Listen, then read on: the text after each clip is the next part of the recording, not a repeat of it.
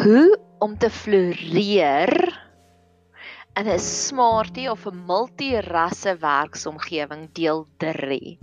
So soos ek genoem het in die eerste twee, daar's twee mense vir wie ek besonder baie lief is wat hierdie jaar werklik waar in moeilike omstandighede is omdat hulle in 'n multirasse werksomstandighede probeer oorleef. Maar ek wil nie meer hê hulle moet net probeer oorleef nie. Ek wil hê hulle moet floreer. So dalk is jy ook in daai omstandighede? Dalk is daar iemand wie jy ken en jy sien hoe moeilik gaan dit met hulle en jy weet nie meer wat om te bid nie. Hier is 'n hele paar gebedspunte. So, in hierdie een gaan ek bietjie praat oor generasie seëninge. Daar's 'n pragtige belofte in Deuteronomium 5 vers 10 waar God sê en ek bewys barmhartigheid aan duisende van die wat my liefhet en my gebooie onderhou.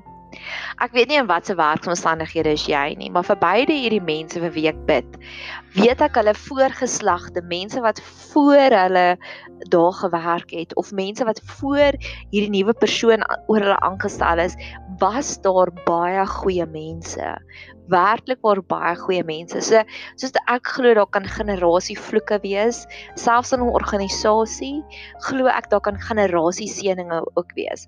God beloof in die in die vorige skrifgedeeltjie hy sal 3 tot 4 generasies na dit besoek, maar min mense besef hy sê duisende. So dis waarop ek nou wil staan, as ek wil sê Here, onthou hoe goed het die vorige mense u gedien en laat daai seëninge oorspoel oor die mense vir wie ons bid. Ek wil graag hê dat hulle elke dag met 'n nuwe seëning pluk van die seëningsboom af van die mense wat voor hulle daar was wat goed gedoen het. Mag daardie generasie seëning deursypel tot by hulle en mag hulle elke dag meer vol blydskap wees as die vorige dag as gevolg van hierdie generasie belofte wat hy vir ons hier gee. En hierdie is 'n hierdie potgooi gaan baie meer vrolik en opgeruimd wees. Die vorige was 'n bietjie hardcore goeders, maar ek het nou weer 'n bietjie begin fokus meer op die positiewe. Ek wil graag hê die volgende seëning wat ek wil uitspreek na die generasie seëning is die daaglikse blydskap. Daar's hierdie storie van Jesus in die bergverheerliking dat Petrus het gesê: "Here, in Engels sê hy dit so goed, Lord, it's good to be here. Dis so lekker vir my hier. Ek wil 'n hut hier bou en dat ons vir ewig hier bly op hierdie emosionele plek. Hulle was op die bergtop. Dis gewoonlik die lekker tye van ons lewe. Dis gewoonlik wanneer daai oomblik wat wow, alles is die moeite werd. En ek wil graag hê vir hierdie mense wie ek bid, mag hulle daagliks so 'n Lord, it's good to be here oomblik hê. Mag dit daagliks vir hulle lekker wees by hulle werksplek. Mag daar daagliks 'n blydskaps oomblik wees, 'n oomblik van oh, yeah, hoe bevoorreg is ek om hierdie te doen. Daar kom sulke storms en dit is alles 'n emosionele ding, nê? Nee? wat ek werk, ek is 'n mondhygiënis en dan sal dit vir my so lekker wees, nee, en ek sal so sê, oh, "Here, dankie." Of daar kom oomblikke wat ek 'n pot gooi maak en alles vloei net en ek wil net sê dankie, Lord, it's good to be here. Ek het so 'n paar maande terug het ek begin om so veldtogte begin om te sê, "So dis hoe dit voel." En ek probeer om in my seëninge te leef, om te pause en ek gaan nou praat oor pause ook, maar om te pause en te sê, So, dis hoe dit voel, doetjie doetjie doetjie. So, dis hoe dit voel. Ek het gister het ek 'n um intens gewerk. Ons het 'n bediening ook, Bed Seber, 'n huis vir vrouens wat deur trauma werk en ek het nogals intens bemarking gedoen op Facebook omdat ek besef het dat sosiale media is een van ons grootste bronne van verwysing. En ver oggend kon ek nie wag om wakker te word om te kyk het dit nou gewerk nie en daar was 850 mense wat van die een post gehou het. En ek sê oh, wow so dis hoe dit voel. Dis hoe dit voel as jy eendag se koninkrykswerk gedoen het en die volgende dag pluk jy al die vrugte daarvan. Dis net so 'n lekker plek om te wees. Of ek het ver oggend gesien hierso op op op op die potgooi program kyk ek ook daagliks hoeveel luisteraars was dit en dit het ook gegroei en ek sê oh, so dis hoe dit voel. En ek probeer om myself te distansieer van die potgoeies af so ek maak dit en dan kom dit eers 'n maand later lewendig dat ek nie daai emosionele hoop het van ag oh, ek het nou gister soveel geïnvesteer en nou staan niemand wat eers daarna gaan luister het nie. As dit eers 'n maand gewag het dan is ek eintlik meer opgewonde oor gister se wat ek gemaak het so dit, dit maak dit nie dat ek my momentum verloor nie. So net soos wat die Here vir my gelei het om vir my sulke blydskapsmylpale in plek te stel Jy weet as jy ry, ek het in Welkom groot geword en ek weet dat daar daar's 'n volstasie wat presies halfpad is tussen Pretoria en Welkom as ek gaan kuier het. So ek het altyd uitgesien as ek sê, "Jy, dis nou net nog halfpad." En as ek ook gaan stap in die oggend dan weet ek ook waar is die halfpad merk en dit is of ja, ek weet waar sit ek, maar ek weet ook die laaste entjie wat ek stap is altyd in die koelte. So gewoonlik dan dan skyn die son al lekker dan weet ek soos oh, jy, nou is ek in die laaste gedeelte en dis nou net koelte. So nou gaan dit lekker koel cool wees en dis mooi en ja.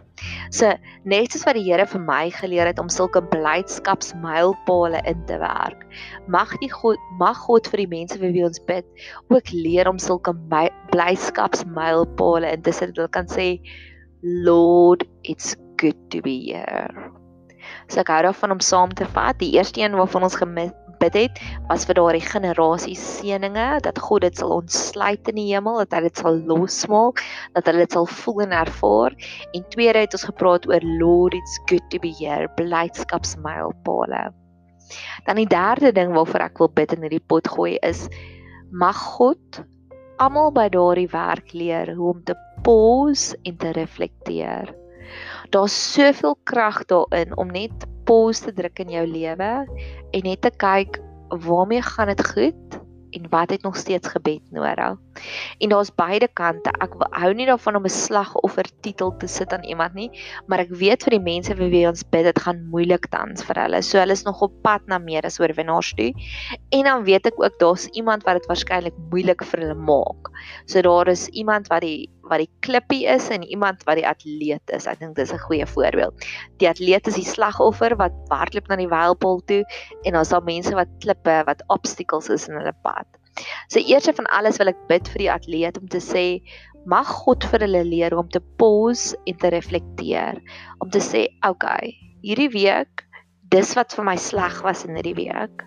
En so dis die dinge waarvoor ek kan bid. En dis die dinge wat ek wil oorgee aan die Here. En dis die dinge waaroor ek wil praat met my geliefdes. Want daar's soveel krag daarin om te piep, om te om net vir iemand te sê dit gaan sleg met my of om jou hart uit te stort voor die Here net dinge wat aan die lig kom kan genees word. So mag hulle weekliks leer of daagliks leer om te pause en te reflekteer.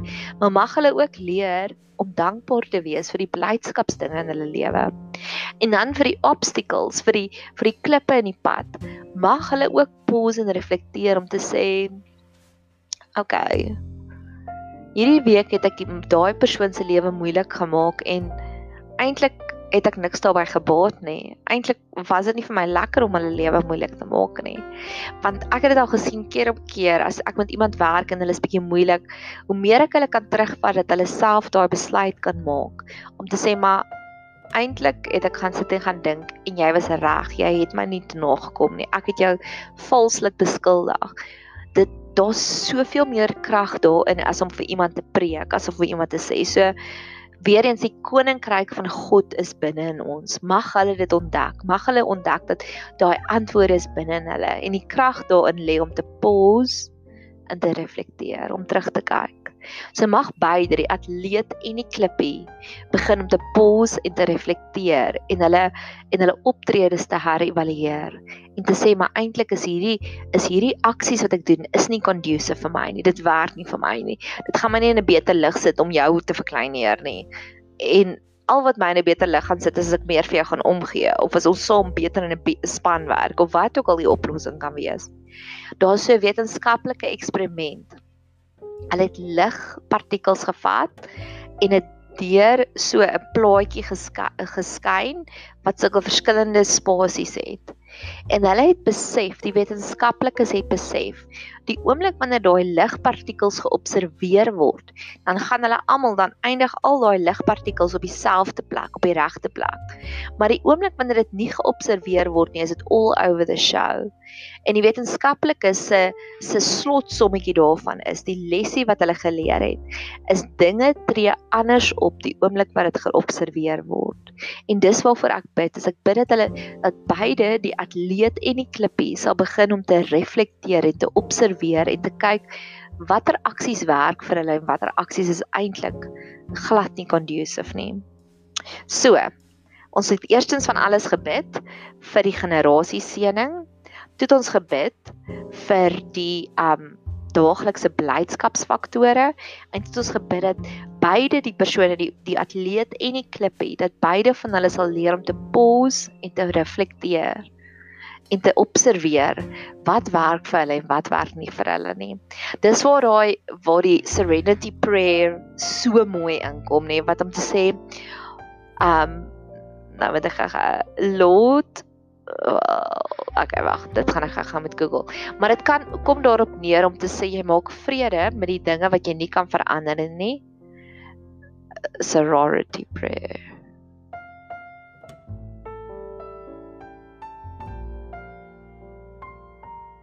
En die dinge wat jy wel kan verander, kry jy battle plan. En dis vir my so 'n mooi ding. En dis met pause and reflect. Lord God, grant me the serenity to accept the things that I cannot change, courage to change the things I can, and wisdom to know the difference. So dis wat vir ons vir hulle bid.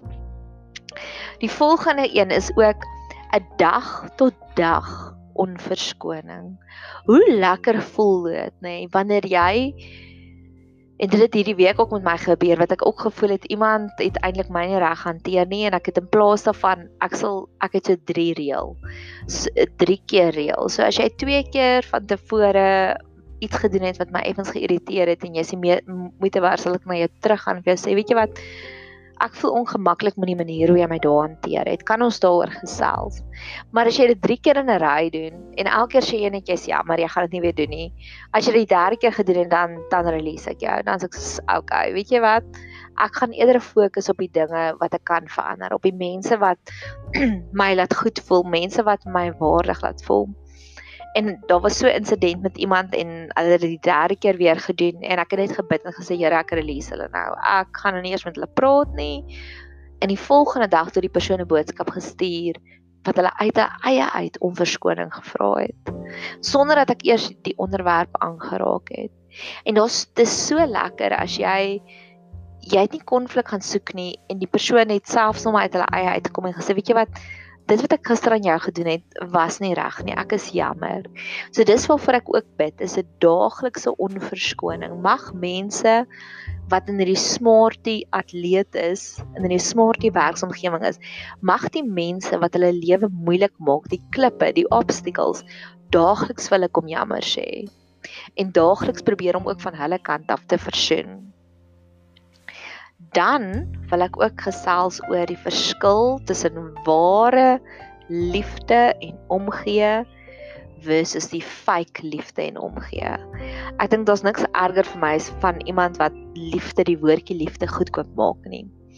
Ek het nou onlangs het ek ek hou baie van Netflix, het ek You gekyk en dis so sielkundige ag so psigologiese thriller psychological thriller, maar ek sal dit eintlik nie aanbeveel nie. En in die tweede seisoen was daar hierdie liefdesverhaal van hierdie vrou wat grootgemaak is in hierdie huis wat uit en uit oor manipulasie gegaan het. En sy en sy ontmoet nou iemand en hierdie persoon wys vir haar wat's ware liefde. En sy en haar ma het hierdie gesprek weer terwyl sy in hierdie in hierdie verhouding is. En haar ma sê vir haar, "Jy weet ek is onvoorwaardelik lief vir die familie." En sy stop haar net, dan sy sê, "Nee ma, ek weet nou wat is ware liefde en dit wat ek gekry het was nie ware liefde nie, dit was manipulasie liefde." En mag almal wat in daardie omstandighede is, net daagliks besef dat ware liefde proe beter. Ware liefde is beter. Jy mag hulle soek daarna. Jy mag hulle dit meer uitdeel want weer eens ons kan net uitdeel dit wat ons reeds ontvang het. Manipulasie liefde voel soos skuurpapier. Ware liefde voel soos 'n drukkie.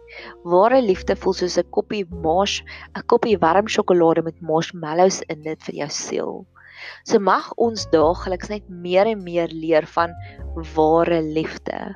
In die Bybel, veral in die Griekse weergawe, is daar drie verskillende tipe van liefdes. Daar's die filiou liefde wat jy het vir jou vriende, daar's die eros liefde wat tussen twee um ja, tussen 'n man en 'n vrou is, intieme liefde.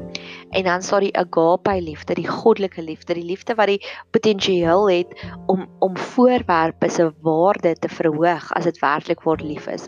En die voorbeeld wat ek daarvan het, iemand kan die lelikste hondjie hê, maar hulle kan so lief wees vir hierdie hondjie dat hulle sê net, "Ag, kyk net hoe cute is hierdie hondjie." En dan so, omdat hulle soveel liefde op in hierdie hond investeer, ewe skielik begin jy ook eintlik neem te sien dat die mond deur die hond is eintlik oulik van lelikheid. Jy weet daai tipe van liefde. En dis wat vir ons nou bid is daardie waarlike agape tipe van liefde wat uitgestort word in die werksplekke. So, ek wil saamvat en ons het nog tyd vir enetjie. Nou sal ek dit natuurlik nou eers moet gaan opsoek. So terwyl ek saamvat, eerste van alles ons vra vir generasie seëninge wat uitgestort word. Tweede van alles vra ons vir 'n beleidskaps bakens wat hulle almal vir hulle self daagliks kan inwerk. Dan derde van alles vra ons vir 'n pause en reflect oomblik vir beide die atleet en die obstakel en die klip. Dat hulle kan sit en kan gaan reflekteer om te sê wat het my gelukkig gemaak, wat werk nie vir my nie. Dan het ons gevra vir daaglikse ek is jammer boodskapies woorde dat mense self tot daai punt kom te besef maar ek het jou ingedoen ek gaan vir jou kom jammer sê. En dan het ons afgesluit of amper afgesluit wat om te sê mag ons daagliks leer wat die verskil tussen manipulasie liefde en ware liefde en mag ons ware liefde daagliks navolg. Dan die laaste enetjie wat ek wil sê is 'n belofte uit Jesaja uit. En ek soek hom gou.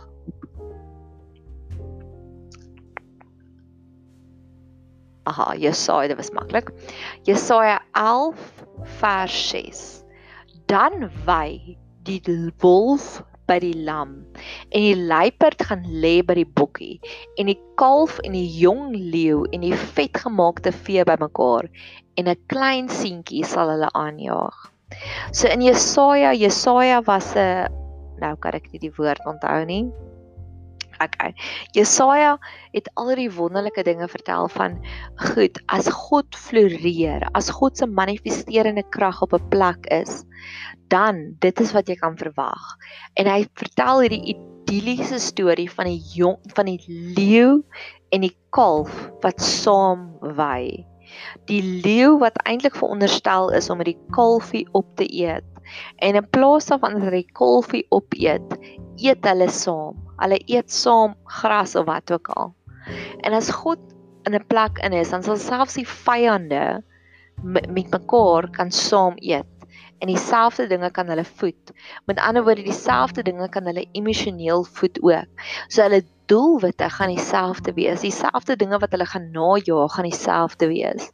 En partykeer kom God en hy verander alles na leeu's toe of alles na kalwe toe en ander kere kom sy manifesterende vrede net daaroor.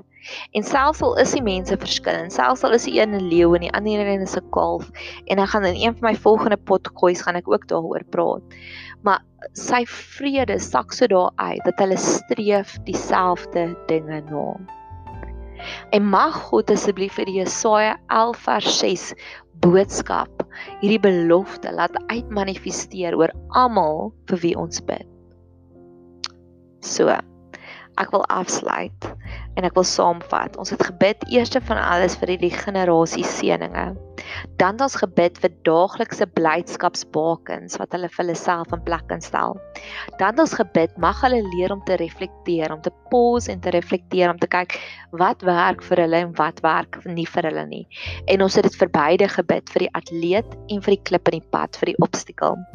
Dan het ons gebid vir daaglikse onverskonings wat mense gaan reflekteer en self tot daai weet te kom van dit wat ek gister aan jou gedoen het was nie reg nie en ek wil dit gaan regmaak.